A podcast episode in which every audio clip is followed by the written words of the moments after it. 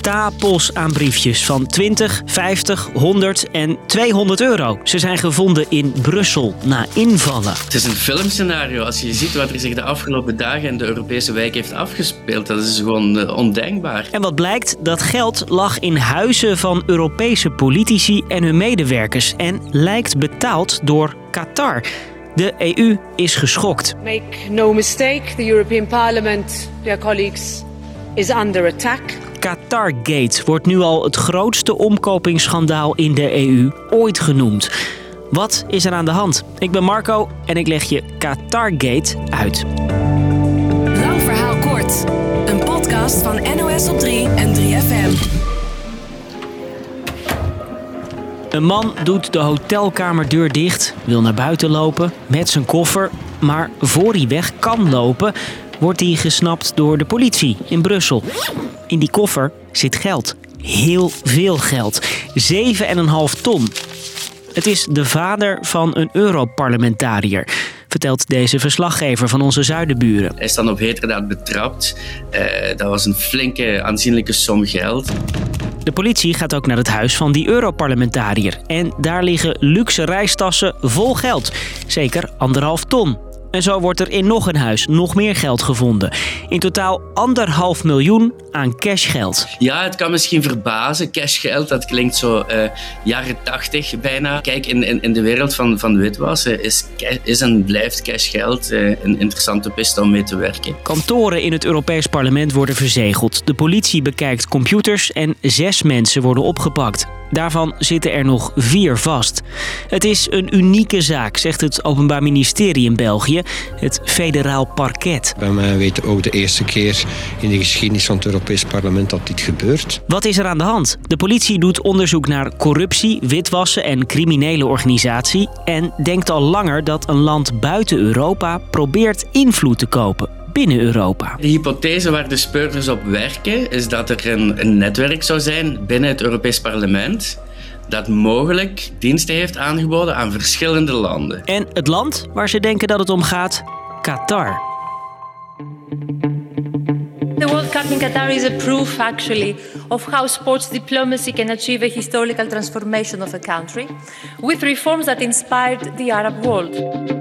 En deze vrouw is één van de redenen waarom er naar Qatar wordt gewezen. De Griekse Eva Kaili, één van de verdachten. Een parlementslid voor de Sociaaldemocraten. En ze was ook een van de voorzitters van het Europarlement. Zeg maar wat Vera Bergkamp in Den Haag is. Ik sluit de vergadering. Dat was Eva voor Brussel.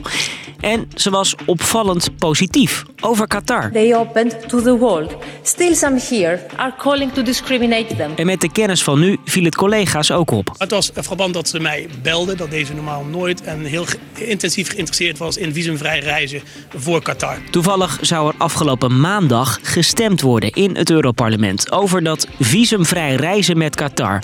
Je zou dan gewoon het vliegtuig in mogen stappen, net zoals wij nu naar Spanje kunnen, zonder papieren aan te vragen. Traveling will become easier. Maar die stemming is er niet gekomen, vanwege Qatargate. En dat is niet alles. In een week is er veel meer gebeurd. Naast Qatar zijn er ook signalen dat Marokko politici probeerde om te kopen. En er komen steeds meer verdachten bij. Ook Belgen en Italianen zouden betrokken zijn.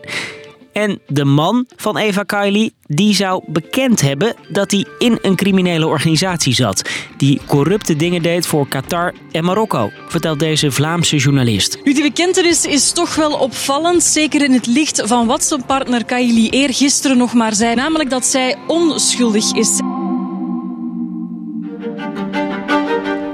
Kylie's man kan dus vervolgd worden. En Kylie zelf dan? Die zit nog wel even vast in het Belgische gevang. Haar advocaat zegt dat zij niks met die omkoperij te maken had. Of dat waar is of niet, dat wordt de komende tijd verder onderzocht. Maar dat is in het geval van Kylie wel nog iets ingewikkelder dan bij haar man. Zij heeft namelijk iets wat hij niet heeft: parlementaire onschendbaarheid. Ook nu ze de baan kwijt is. Die onschendbaarheid die hebben we hier in Nederland ook. Dat houdt in het kort in dat parlementariërs niet zomaar opgepakt of vervolgd kunnen worden voor wat zij doen als parlementariër. Maar dat betekent niet dat je ongestoord de boef kunt uithangen. Dat bleek al toen ze opgepakt werd. Dat zegt correspondent Ardi Stemerding. Dit is een bijzonder geval. Dat was een hete daadje, omdat ze dus ook betrapt is met al dat geld in huis. En dan geldt die immuniteit niet. Het Europees Openbaar Ministerie vraagt nu om die immuniteit helemaal op te heffen, zodat er een proces kan komen. Dat ze vervolgd uh, zal worden, die kans lijkt uh, vooralsnog heel reëel. Qatargate zal in Brussel en daarbuiten de komende tijd een big deal zijn. Alle dossiers over Qatar worden voorlopig even niet besproken. Eerst het onderzoek.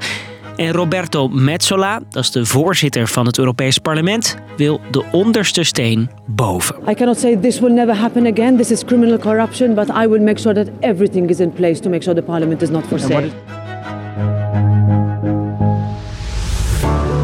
Dus, lang verhaal kort, Brussel is in de ban van corruptie. Qatar en Marokko zouden politici en medewerkers van het Europees Parlement geprobeerd hebben om te kopen in ruil voor invloed op stemmingen. Het geld is gevonden, de verdachten zitten vast en er wordt nu onderzoek gedaan.